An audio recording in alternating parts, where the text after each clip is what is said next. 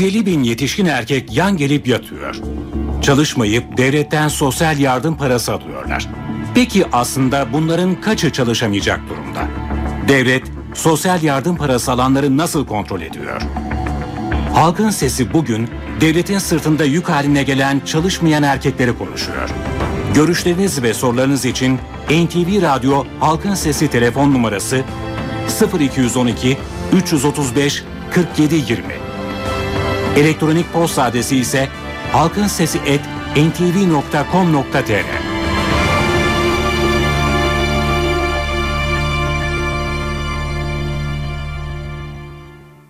Halkın Sesi.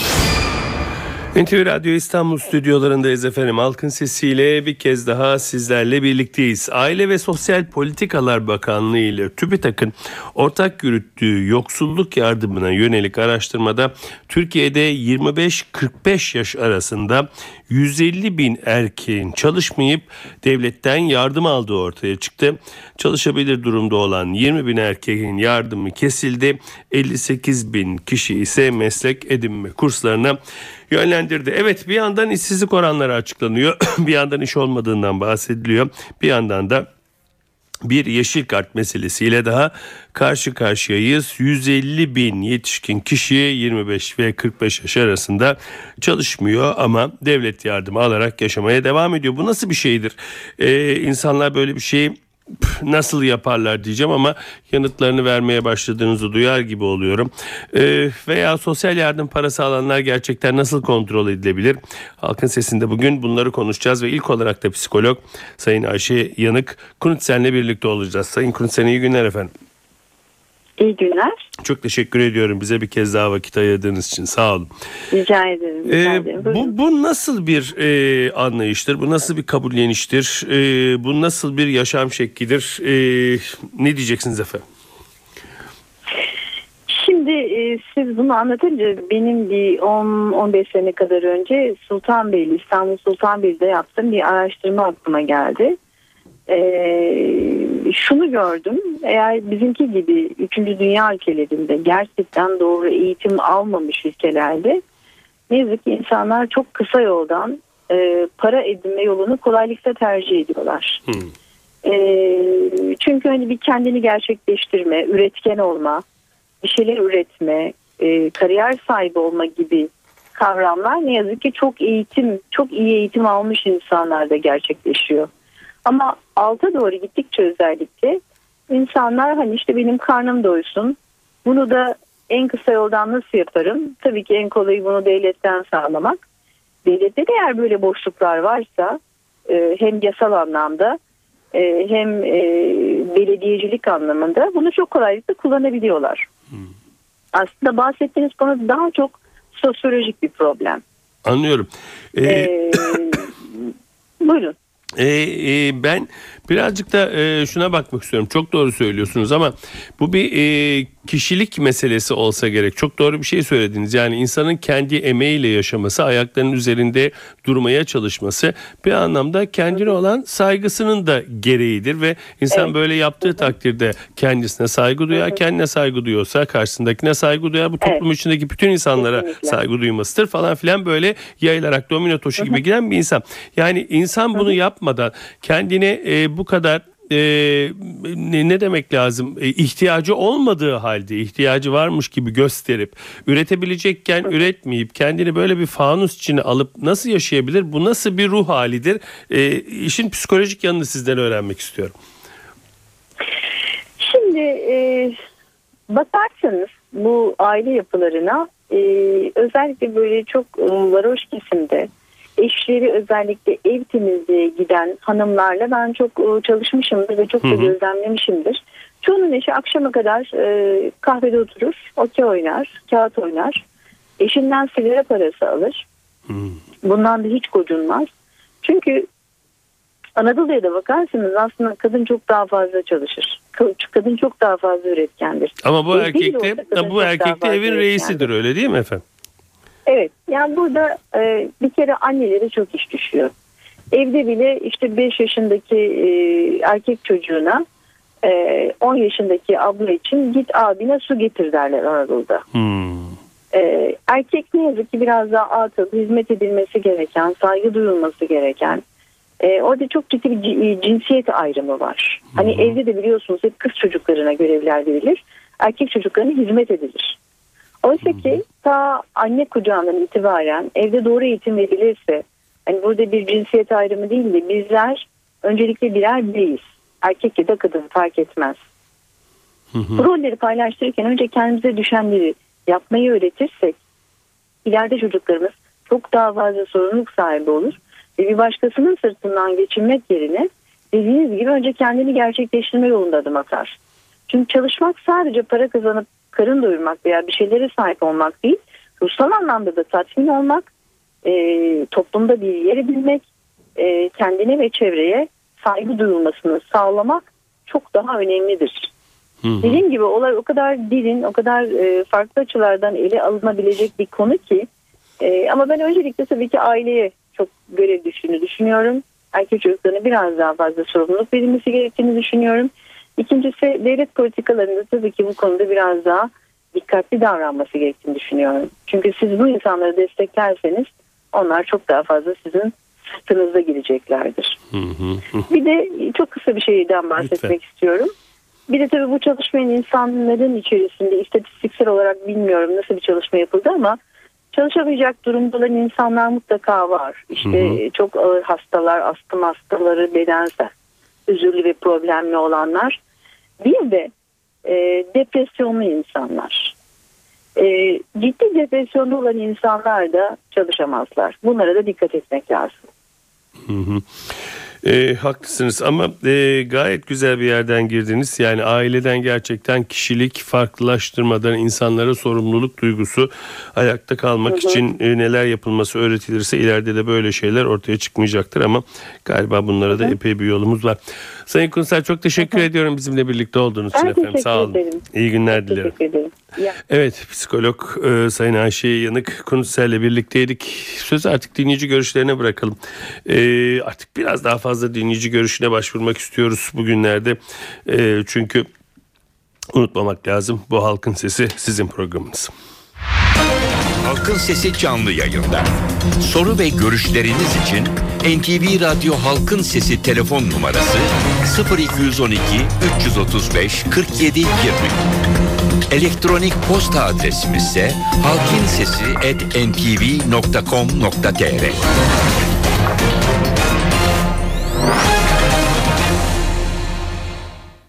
Halkın Sesi. NTV Radyo İstanbul stüdyolarındayız efendim halkın sesiyle sizlerle birlikteyiz. Evet e, Aile ve Sosyal Politikalar Bakanlığı ile TÜBİTAK'ın yaptığı ortak yürüttüğü bir yoksulluk ve yardıma yönelik yoksulluk yardımına yönelik bir araştırmada Türkiye'de yaşları 25 ile 45 arasında olan 150 bin erkeğin çalışmayıp devletten yardım aldığı ortaya çıkıyor ve bunların birçoğu da çalışabilir durumda olan insanlar. Bunların ancak 20 bininin yardımı kesiliyor 58 binde işe yönlendiriliyor. Bu nasıl bir iştir? Ee, insan bunu niye yapar? Bunu konuşuyoruz ve dinleyici görüşlerine dönüyoruz. Alo. İyi akşamlar. iyi akşamlar efendim buyurun. Hüseyin Topçu. Sayın Topçu buyurun. Şimdi Sedat Bey ben e, geçmişte vakıfta e, bir süre görev yaptım il meclis üyesi olmam hasebiyle. Şimdi bu çeşitli yardımlar devlet yapıyor e, veya vatandaş da yapıyor, belediyeler yapıyor. Bazı asalak insanlar var. Yani bunu e, belediyeden bir hafta alıyor, geliyor vakıftan bir hafta alıyor, Hı hı. başka bir yerden Kızılay'dan alıyor. Bu, bunu meslek edinmiş artık onun kurtulması mümkün değil. Bu insanlar daha da ilginci e, erkek hanımını boşuyor, resmiyette gidiyor e, dul parası alıyor hanımı. Yani çalışmadan geçinme şeysini e, savunan insanlar, geçinme yolunu bulan insanlar diyelim. Yani bu toplumun bir yarası ama burada şöyle bir önerim var. Ee, devletin bütün kurumları, belediyeler hatta özel vakıflar dahil bunun içerisine yardım yapılacak yerleri, kişilerin muhakkak adresleri tek noktada birleştirilmesi lazım. Yapılacaksa bu insan başka yerden o hafta yardım aldı mı, o ay yardım aldı mı, ne İyi kadar aldı? diyorsunuz. Ee, Bunun muhakkak tek yerden yapılması lazım. Peki toplanması çok lazım. teşekkür ederim efendim sağ olun. Alo Alo, iyi akşamlar. iyi Serhat Bey. akşamlar buyurun. Ankara'dan arıyorum. İsmim Hakan. Buyurun Hakan Bey. Ee, Sedat Bey şimdi ben başından geçen bir olayı anlatmak istiyorum bu konuda ilgili. Hı hı. Şimdi benim 2000 ile 2009 yılları arasında bir inşaat şirketim vardı. Ee, komple ev ve bina tadilatları yapıyorduk. Ee, bir işimizin birinde ustanın yanında amele anlaşamamış bırakmış küreye kaçmış gitmiş. Biz de saat öğle üzeri 11.30 gibi oldu. Ee, hemen koştuk amele kahvesine. Amele kah- kahveleri vardı. Bu insanların belli yerler toplandıkları yerler. Siz de bilirsiniz. Koştuk oraya. Baktık bir iki masada piştirik masası var. Dedik ki arkadaşlar böyle böyle amele lazım. Bakın size tam gün yövmeye vereceğim. Gelin usta e, amelesiz kaldı. Yardımcı işçi yok. Gelin size tam gün yövmeye parası vererek de hemen kalkın dedim. Adam şöyle saatine baktı masada. Bu saatte işe mi gidilir kardeşim dedi. Bana bana verdiği cevap bu. Şimdi bu insanlar fakir. Fakir diyoruz. Bu insan fakir insana bunu söyleten şey nedir? Bu kişiler bedavadan, bedavadan halk ekmeği alıyor mu? Yardımı da alıyor. Odun kömürü de alıyor. E bir de cebinde yeşil kart var. Ailesinin de kendisinin de bedavadan e, sağlık hizmetleri alıyor. E bu kişiyi siz kaldırıp da çalıştıramazsınız Sedat Bey. Ve bunun gibi birçok örnekleri var bunun ülkemizde. Şu belediyeler şu yardımları bir kessinler. Eli ayağı düzgün sağlam sağlıklı insanları yardımlar kessinler. Bakalım işsizlik ne kadar oluyor ne kadar olmuyor. Bir onu görelim. Peki. Artı, Pardon. artı bir konuyu daha söyleyeceğim. Bir Pardon. de bu konuda yani bu yardımlar konusunda muhtarların da çok büyük kabahatleri var. Belirli muhtarlar bölgecilik ve adam kayıraraktan yani hemşericilik gözeterekten durumu iyi olan kişilere de fakirlik ilma vere, fakirlik belgesi vererek bu şekilde bir yanlışlık yapılıyor. Hı. Kişiler kayrılıyor. Yani Anladım. bu kişiler yine çalışmıyor. Peki Ve teşekkür be- ettim. bedavadan yine de yardımlar alıyorlar. Alo. Alo Buyurun efendim. Sedat Bey iyi günler. İyi günler efendim. Sedat Bey devletten 150 bin arkadaşımız para alıyor herhalde değil mi? Kimle görüşüyoruz efendim? Evet. Şimdi Alo. devletin... Alo Kiminle görüşüyoruz? ben Adem. Heh, Adem Bey dinliyoruz. Evet 150 bin kişi yardım alıyormuş. 150, Evet. 150 bin kişi. Sedat Bey devletin bu parayı vermesine karşı değilim. Devletin asli göre belki de ama önemli olan bu 150 bin kişinin içerisinde hak edip etmediğini. Birincisi diyelim ki ülkemizde bir sıkıntı var gerçekten. Ama aile içinde hiç kimsenin bir geliri yoksaydı devlet bunlara yardımcı olsun. Ama aile içinde dört tanesi devletten geliri var veyahut da bir geliri var. Beşincisine de oradan oğlum sen de git oradan al. Devlet böyle bir yasa çıkardı. Gidin oradan sebeplenin. Bu yanlış bir şey. Bir de toplumumuzda bedava sirke olayı var ya hani bedava sirke balı geçiyor biliyor musun? Bunlar genellikle bu tip insanlar. Ama devletin sosyal şeyini yapması e, çok iyi bir şey. Çünkü insanlar e, yemek içmek mecburiyetinde aç kalacak halleri yok. E, aç kalırsa bulamazsa ne yapacak? Sana bana saldıracak, hırsızlık yapacak, gasp Doğru. yapacak. Bu adamın da yaşam hakkı var. Peki. Devlet bu tip olanlara eğer sahip çıkıyorsa ne mutlu. Size iyi günler diliyorum. İyi günler efendim. Teşekkür ederim Adem Bey. Alo. Alo. Buyurun efendim. Merhaba Sedat Bey. Ee, Bursa'dan Bilal Azizoğlu. Buyurun Bilal Bey. Ee, şimdi ben resmi rakamlar 150 bin diyor. Hı. Ama ben bu resmi rakamlara pek itibar etmek istemiyorum. Bunlar gayri resmi olarak düşünün. Bir de yani bir de e, kayıt altına alınmayan insanları düşünün. Bunun çok daha yüksek bir rakam olduğuna inanıyorum. Hı. Ee, bir ikincisi tabii e, devlet politikaları, hükümet politikaları da buna çok etki ediyor tabii. Ee, ve siyasi partilerin tavırları da burada çok önemli. İnsanlar e, kömür yardımı alıyor. Ee, bir bedavacılığa alıştırılıyor bir anlamda toplum. Bu da büyük bir etkisi var. İnsanlar e, ya benim kömürüm, işte içeceğim, yemeğim veya işte bir takım e, desteğim nasıl olsa geliyor deyip e, peki çalışma yönünü seçmiyor insanlar. İkinci konu e, bir işsizlik söz konusu olduğu söyleniyor. Ben üst düzeyde yöneticilik yapıyorum özel sektörde Bursa'da. E, biz e, çalışacak nitelikli insan bulamıyoruz. Bakın nitelikli insan. Yani çok insan var, çok çalışmak isteyen insan var. Ama e, gel, gel- gelin görelim ki nitelikli insanda büyük sıkıntımız var. E, bu manada işsizlik ben olduğuna çok fazla inanmıyorum. Var ama o kadar abartıldığı kadar yok. Peki. İnsanlarımız biraz tembelleştiriliyor açıkçası. Peki Bilal Bey. Teşekkür ederim efendim. Alo. Alo iyi, iyi günler Sedat Bey. İyi günler efendim. Ben bir kere daha bağlanmıştım size. Antalya Üniversitesi'nden bir doktorayla konuşmuştunuz sakatlar için. Hı hı. Hani bir yardımlaşma diye. Hı hı. Kiminle ben de derdimi anlatmıştım size. Dediniz ki sosyal yardıma müracaat edin muhakkak alakalanırlar. Hı hı. Kimse oğlum yok, kızım yok, eşim yok. Mektup yazdım. Ne aradılar ne sordular. Burada annesi çalışıyor, babası emekli. Kendisi maaş alıyor. Ben 900 lirayla hayat mücadelesi veriyorum. Anlıyorum efendim. Peki. Peki. Alo.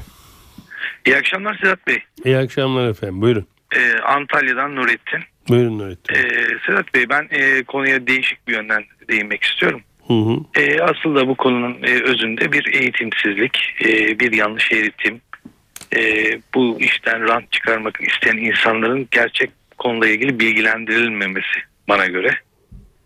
E, belki konumuzun biraz dışında ama hani ben kısaca toparlayayım zamanınızı almak istemiyorum. E, gerçekten e, bir eğitimsizlik ve bir eğitimdeki bir kalitesizlik örneği var. Bunun sonuçlarını görüyoruz. Daha bunlar gibi ne konular çıkıyor günümüzde. Ama bunların bütün sonuçlarının geldiği nokta eğitimle birleşiyor. Bu konuyla ilgili büyük e, olaylar yapılması lazım bana göre. E, buna değinmesi lazım. E, ben bu kadar kısıtlayabilirim ya. Peki. Teşekkür ederim efendim. Alo. Alo. Buyurun efendim. Aa, merhaba ben e, Doktor Metin. E, devlet memuru olduğum için e, tamamını söylemiyorum. Buyurun. Metin Bey. E, şimdi ben 35 senelik doktorum. Hı hı. İstanbul'da çalışıyorum. Ve bu yeşil kartlarla ilgili olarak konuşmak istedim sizinle. Hı hı. E, yeşil kartlı hastalarla e, sık sık karşılaşıyoruz özellikle son zamanlarda. Ve bu hastaların, bu kişilere e, bir kısmının bizim kapımıza polislerle geldiğini, özel araçlarla geldiğini görüyoruz. Bir kısmının üstündeki giyiminin hiçbir şekilde e, yoksul olmadığı şeklinde e, bir gi- giyim kuşam görüyoruz. Ve ayrıca şekilde olmayıp da normal gelen kişilerin de işlerini işler yaptıklarını sorduğumuzda çoğunluğunun konfeksiyonda işçi olduğunu, çalıştığını ama sigortasız çalıştığını ve hiçbir gelirinin olmadığını söyleyerekten yeşil kart aldıklarını söylüyorlar. Ayrıca da bunu e, doktor olarak e, yeşil kartı nasıl aldınız dediğimizde de bir dayak yemediğimiz kalıyor. Ben bunu e, size şey yapmak istedim, e, söylemek istedim. Allah sizi korusun doktor bey ne diyeyim. Evet yani e, o şekilde yani herhangi bir şey sorduğumuzda devlet verdi size ne oluyor diyerekten Evet. piyasaya sesimizi de çıkartamıyoruz doğrusu. Evet. Peki. Yani bunu e, bir bilgi olarak herkes biliyordur ama dinlendirmek için de sizi aradım. Teşekkür, Teşekkür ederim. ederim. Sağ olun. İyi günler dilerim. Alo. Alo. Buyurun efendim. Ha, iyi günler. İyi günler. Radyonuzun sesini kapatır mısınız lütfen? Kapat. İyi ettiniz. Kiminle görüşüyoruz efendim? Ali Öztürk ben Ankara'dan arıyorum. Buyurun Sayın Öztürk. Sedat Bey ihtiyacı olanlar da tamam her şey yapılsın ama sokak ortasında ekmek, kömür, ihtiyaç maddeleri dağıtılıyor. Yani bu insanlar hiç çalışırlar mı? Hı hı. Yani olduğunda kadınlara bakıyorsunuz sokak ortasına mesela ben Ankara'dayım. E, yani Ufuktepe'de sokak ortasında bakıyorsunuz ekmek arabası yanaşmış. E, kadının kolu dirseğine kadar bilezik dolu. İşte apartman dairesinden çıkıyor ekmek kuyruğuna gidiyor poşetlerle ekmek. İhtiyacı olsa da olmasa da bunu alıyor. Yarısını da zaten e, atıyor yani yarısını da atıyor.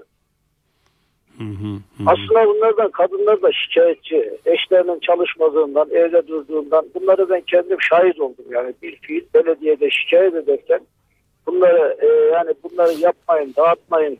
Yani kocalarımız işte çalışmıyor, kahvede oturuyor diye bunları kendi kulağımla duydum. Yani artık eve ekmeği adamlar getirmiyor belediye getiriyor diyorsunuz. Yani aynen öyle, aynen öyle. aynen öyle, doğru tabir. Peki Sayın Öztürk teşekkür Yani ederim. Halkın Sesi.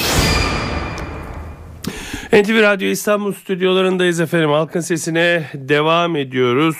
Ee, Aile ve Sosyal Politikalar Bakanlığı'yla TÜBİTAK'ın ortak yürüttüğü yoksulluk yardımına yönelik bir araştırmada Türkiye'de 25 ile 45 yaş arasındaki 150 bin erkeğin çalışmayıp devletten yardım aldığı ortaya çıkmış.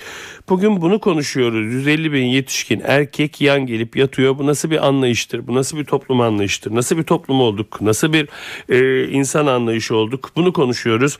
Ege Üniversitesi Sosyoloji Bölümü öğretim üyesi Profesör Doktor Ercan Tatlıdil ile birlikteyiz. Hocam iyi günler. İyi günler efendim. Çok teşekkür ederim öncelikle bize vakit ayırdığınız için. Sağ olun. Estağfurullah. Efendim ne diyorsunuz? Ee, böyle bir toplum e, çalışabilecek durumdayız ama e, işte gelen e, kömürle ekmekle şunla bununla idare edebilir haldeysek daha fazlasını e, istemiyoruz. Yan geliyoruz yatıyoruz. Ne dersiniz efendim?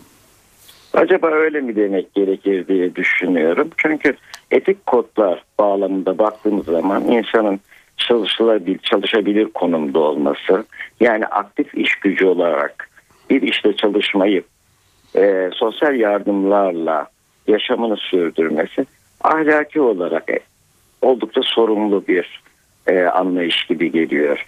Ama bir de şu vardır. Bahsettiğiniz 150 bin kişi acaba iş bulmada zorluk mu çekiyor?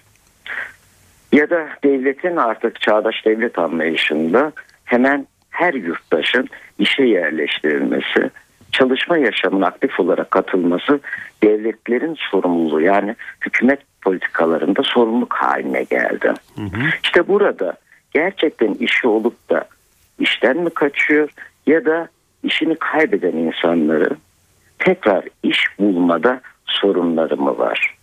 Bu yalnız bizde değil. Bugün Avrupa Birliği'nin pek çok üye ülkelerinde karşılaştığımız bir sorun.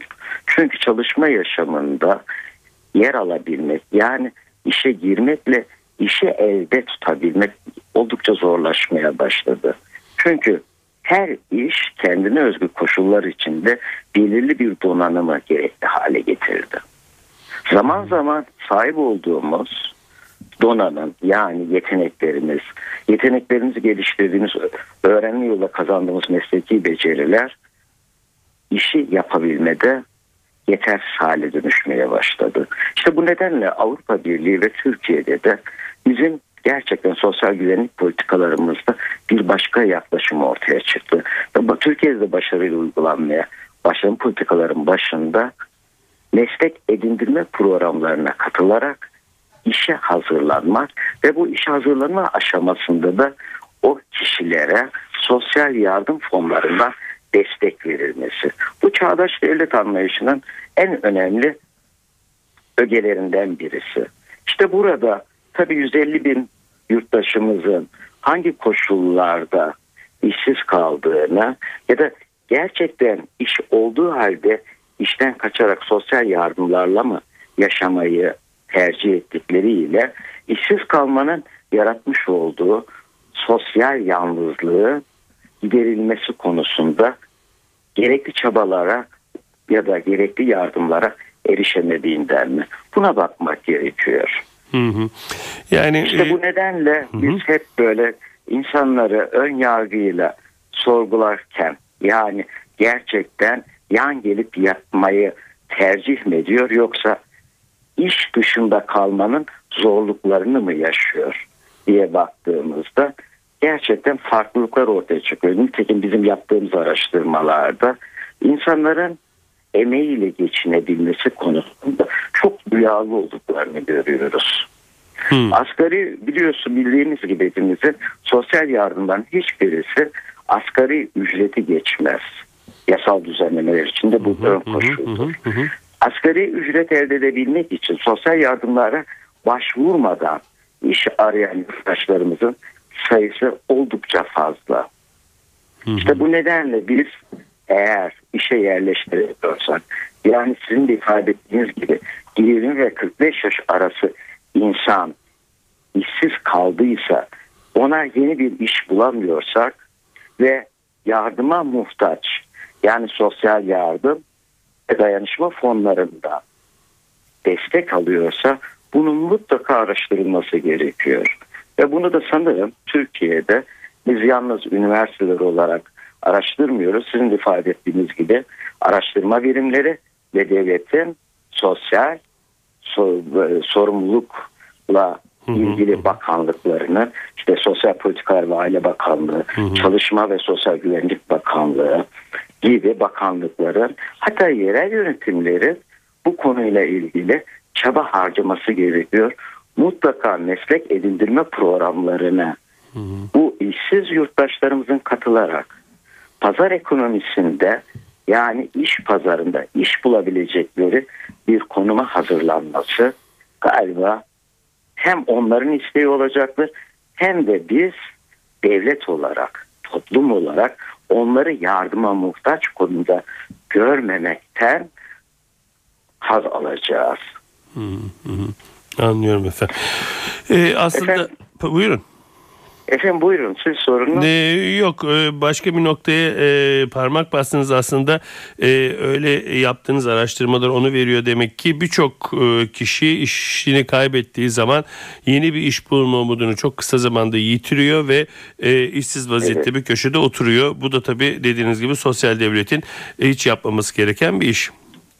Evet aslında işsiz olmak, sosyal yardımlarla yaşamı sürdürmek insanlık onur açısından gerçekten zedeleyici.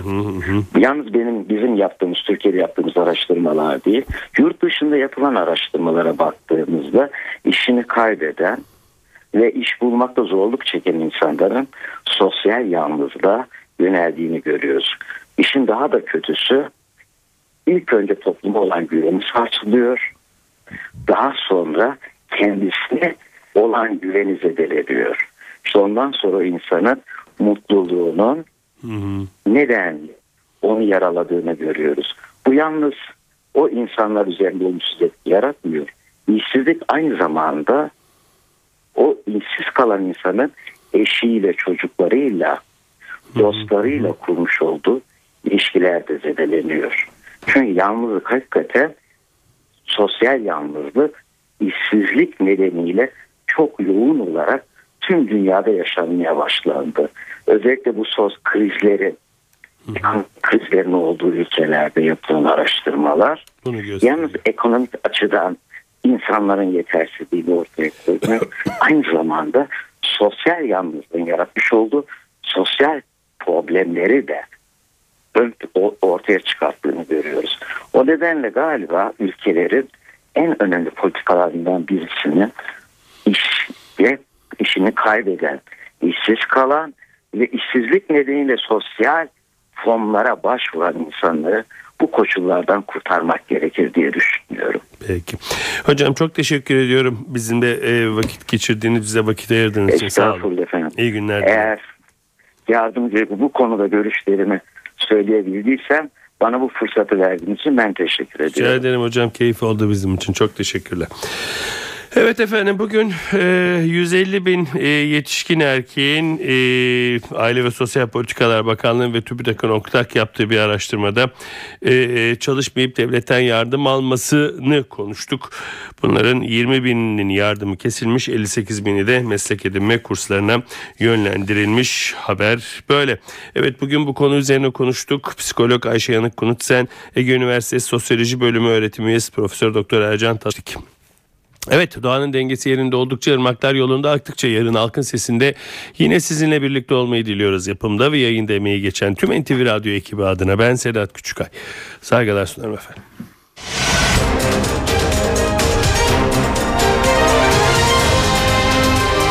NTV Radyo, Türkiye'nin haber radyosu.